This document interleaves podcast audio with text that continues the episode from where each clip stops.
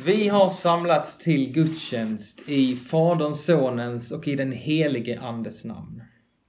Dagens tema det är försonaren och vi befinner oss i slutet av den stora fastan. Mitt namn är Daniel Svensson och jag jobbar som präst här i EFS-kyrkan i Helsingborg, dit du har kommit. För i EFS-kyrkan i Helsingborg så vet vi att kyrkan är så mycket mer än en byggnad. Kyrkan det är en pulserande gemenskap av människor som vill följa Jesus Kristus. Kyrkan det är vi. Alltid och överallt. Så om någon tror att kyrkan ställer in och tar paus nu, så tar man väldigt fel. I denna svåra tid som vi befinner oss i så tar vi inte paus. Vi växlar upp. För det går alldeles utmärkt att vara kyrka just nu. För det är du och det är jag som är kyrkan. Och vi har fått ett heligt uppdrag från himmelens Gud att sprida hans rike i denna världen. Så låt oss ta detta uppdrag på allvar i denna tid. Gud han vill använda oss att få sprida hans hopp, hans frid och den tröst som finns i att lära känna himmelens Gud. Det blir en ny tid för vår församling och vi vet inte hur länge detta kommer att vara så här, men de närmsta veckorna så kommer vi inte kunna samlas till gudstjänst som vi brukar. Men vi kommer inte sluta fira gudstjänst för det. Nu kommer vi samlas i våra hem för att fira gudstjänst där. Redan nu så vet jag att det är mindre grupper som har samlats i, i hemmen och eh, nästa söndag kommer vi att kunna organisera detta ännu bättre. Och jag tycker personligen att detta är en fantastisk möjlighet. Att få ses i mindre konstellationer, kanske få komma hem till någon som du aldrig varit hemma hos innan. Eh, det var ju så här den kristna kyrkan startade. De första kristna hade inga kyrkor, utan de träffades i hemmen. De firade gudstjänst där och det ska vi nu fortsätta att göra. Så låt oss vara församling i denna tid. Det är fantastiskt att Gud, han har gett oss till varandra. Och nu är det dags. Nu är det ett perfekt tillfälle att vi får finnas till för varandra på olika sätt. Nu kan du inte komma här och gå in och sätta dig i kyrksalen till en förberedd gudstjänst. Utan nu behöver vi alla bidra med vårt engagemang, vår omsorg, vår tro, våra vittnesbörd, våra böner i de här mindre grupperna så får vi dela livet med varandra. Vi får vara nära Jesus, nära varandra, mitt i Helsingborg. För vi vet att kyrkan, det är, den är så mycket mer än en byggnad. Det är vi som är kyrkan, alltid och överallt.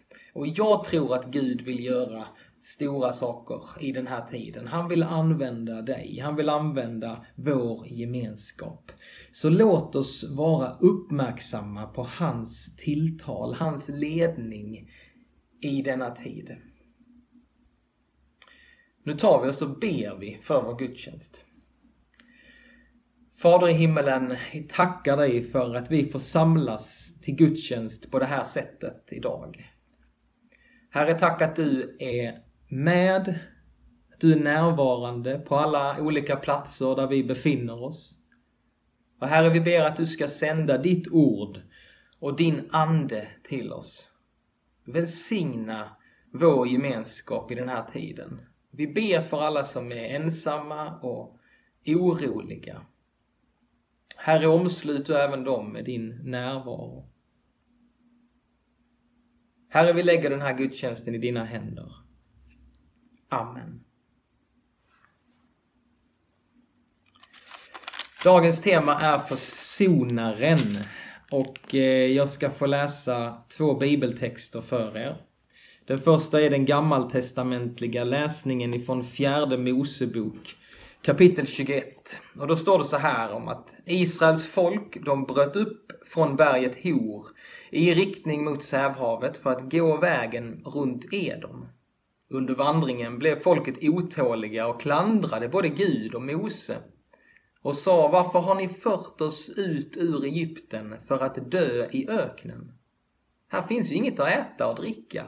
Vi är utleda på den här usla maten. Då skickade Herren ormar mot folket. Giftormar som bet israeliterna så att många av dem dog. Folket kom till Mose och sade vi syndade när vi klandrade Herren och dig. Be till Herren att han tar bort ormarna från oss.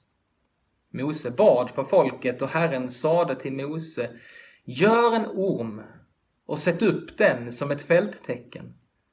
Var och en som blir biten ska se den, så får han leva. Och Mose gjorde en orm av koppar och satte upp den som ett fälttecken. Och den som blev biten av en orm såg på kopparormen, och då fick han leva.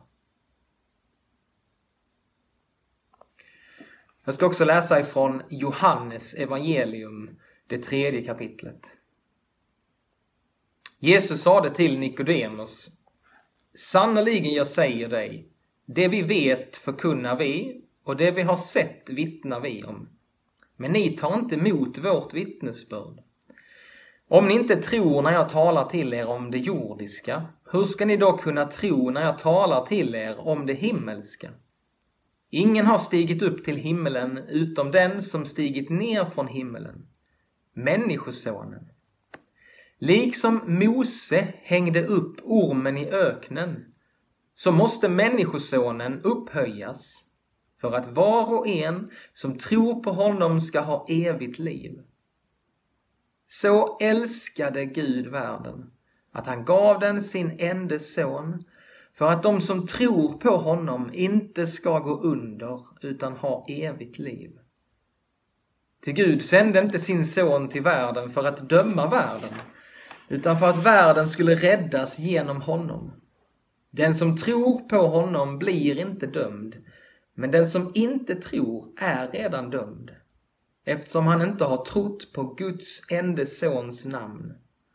Och detta är domen, att när ljuset kom in i världen, då älskade människorna mörkret mer än ljuset, eftersom deras gärningar var onda. Den som gör det onda avskyr ljuset och kommer inte till ljuset, för att hans gärningar inte ska avslöjas. Men den som handlar efter sanningen, han kommer till ljuset, för att det ska bli uppenbart att han gör vad Gud vill. Så lyder det heliga evangeliet. Lovad vare du, Kristus.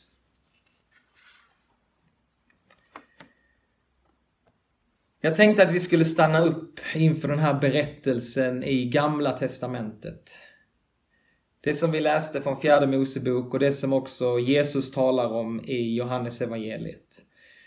Den här händelsen med ormarna i öknen under tiden då, då folket gick sina 40 år i öknen. Och jag tänker att hela den här berättelsen är en profetisk beskrivning av vilken situation vi befinner oss i nu. Det handlar inte bara om alltså vad som hände då och där, utan det här berättar något om vår situation idag. Och vi får sätta oss in i den här berättelsen. Det kom alltså ormar som bet folket och det dödliga giftet från ormarna spred sig och alla blev drabbade. Det är som Paulus skriver i Romarbrevet 5 och 12. Han skriver så här om synden. Genom en enda människa kom synden in i världen. Och genom synden så kom döden. Och så nådde döden alla människor, därför att alla syndade. Det måste ha varit en otroligt jobbig situation för israeliterna. Döden spred sig, giftet spred sig och det fanns ingen medicin som kunde hjälpa. Det måste vara en förtvivlad situation tills Gud uppmanade Mose, gör en orm, säger Gud. Och sätt upp den som ett tecken. Var och en som blir biten ska få se på den så får han leva. Mose ska alltså ta det som sprider oro och död och så göra någonting som liknar ormen och så ska det rädda människorna. Det är en rätt konstig sak. Och jag tycker ännu konstigare blir det när Jesus säger till Nikodemus, liksom Mose hängde upp ormen i öknen, så måste Människosonen upphöjas. Liknar Jesus sig själv här vid en orm? Är det inte så att Jesus, han, han är väl det oskyldiga lammet som blev slaktat för vår skull?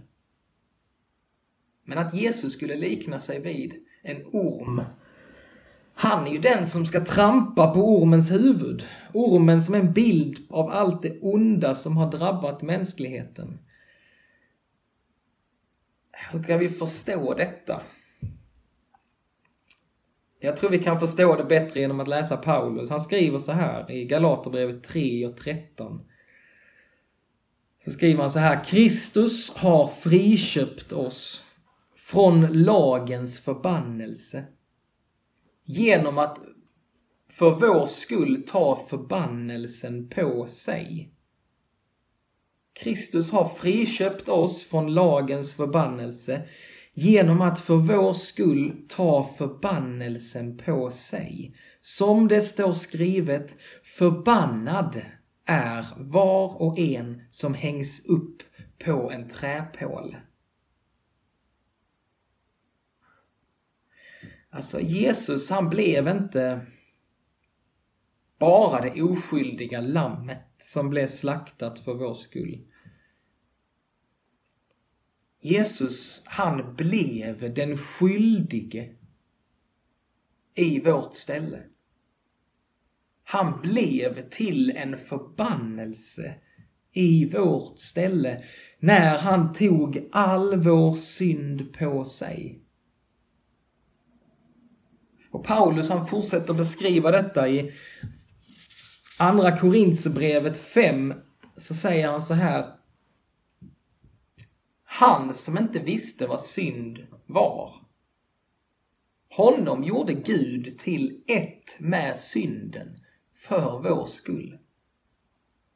Han som inte visste vad synd var honom gjorde Gud till ett med synden för vår skull, för att vi genom honom skulle bli ett med Guds rättfärdighet.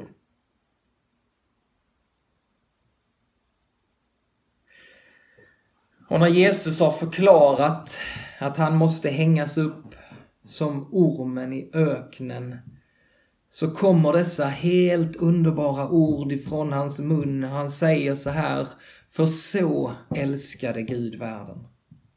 Så älskade Gud världen att han gav den sin enda son för att de som tror på honom inte ska gå under utan ha evigt liv. Från Jesus så kan vi få evigt liv. Det innebär att vi har fått medicinen. Vi har fått penicillinet det finns en medicin som räddar oss till evigt liv. Den är gratis, den är till för alla, den är inte svår att få tag på. Men hur får man tag på den då? Hur får jag tag på medicinen? Jo, vi får göra som israeliterna gjorde i öknen. Gud sa, se på ormen. Vi säger, se på Kristus. Fäst dina ögon på Kristus. Se på honom. Hebreerbrevets författare skriver ju Låt oss ha blicken fäst vid Jesus, trons upphovsman och fullkomnare. För att vinna den glädje som väntade honom uthärdade han korset utan att bry sig om skammen och sitter nu till höger om Guds tron. Se på Jesus. Och sen säger Jesus själv, han säger var och en som tror ska bli räddad.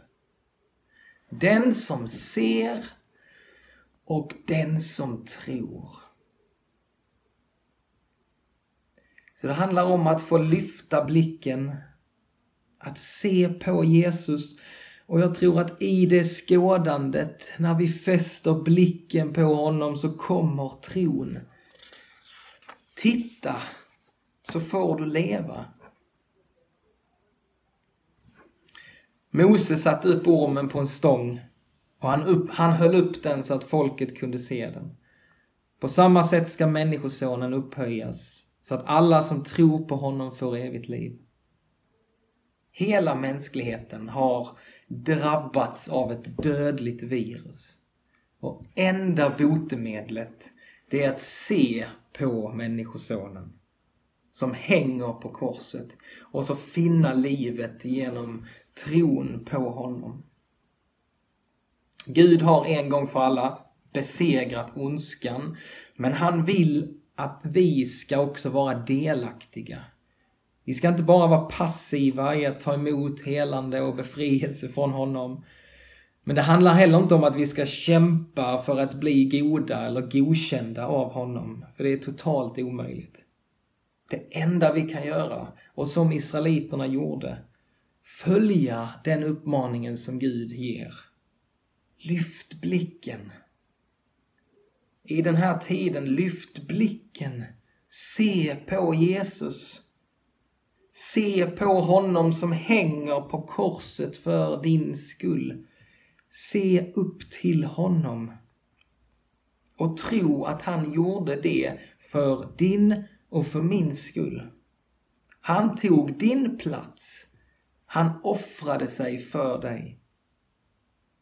Och vi får aldrig lära känna Guds kärlek så brutalt, så naket som vi gör på korset. Det är den största uppenbarelsen om vem Gud är och om hans kärlek till dig och mig. Och när du väl har fått syn på Jesus på korset så kan du inte förbli oberörd. Och nu, mina vänner, så är det tid att titta på korset. Där på korset, där tog Jesus förbannelsen på sig.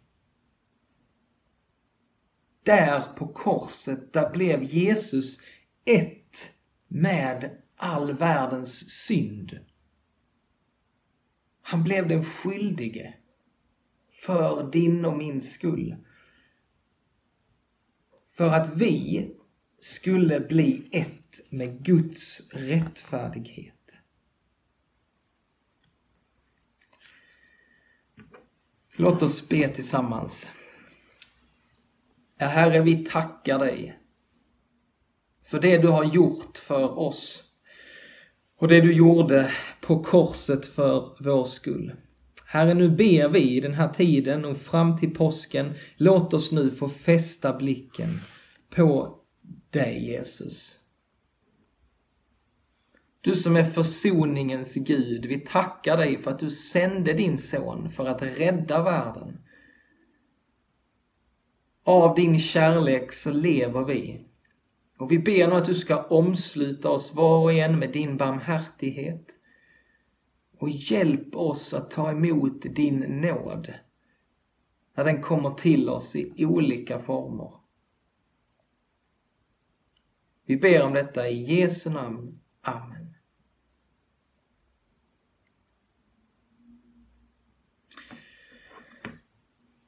Det var min hälsning till er. Ni får gärna fortsätta fira gudstjänst nu på olika sätt. Om man kan sjunga någon sång eller att ni får be för varandra. Eh, för det som eh, eh, som ni bär på, men också be för vår församling. Vi kommer samlas till bön som vanligt, tisdagar klockan 9 på morgonen, onsdagar klockan 12. Och vi kommer komma ut med lite mer information på våra kanal kanaler i nästa vecka hur man kan fira gudstjänst. Så jag önskar er en fortsatt fin söndag och så vill jag bara läsa välsignelsen över dig. Ta emot Herrens välsignelse. Herren välsigne dig och bevara dig. Herren låter sitt ansikte lysa över dig och vara dig nådig. Herren vände sitt ansikte till dig och give dig sin frid. I Faderns och Sonens och i den helige Andes namn. Amen.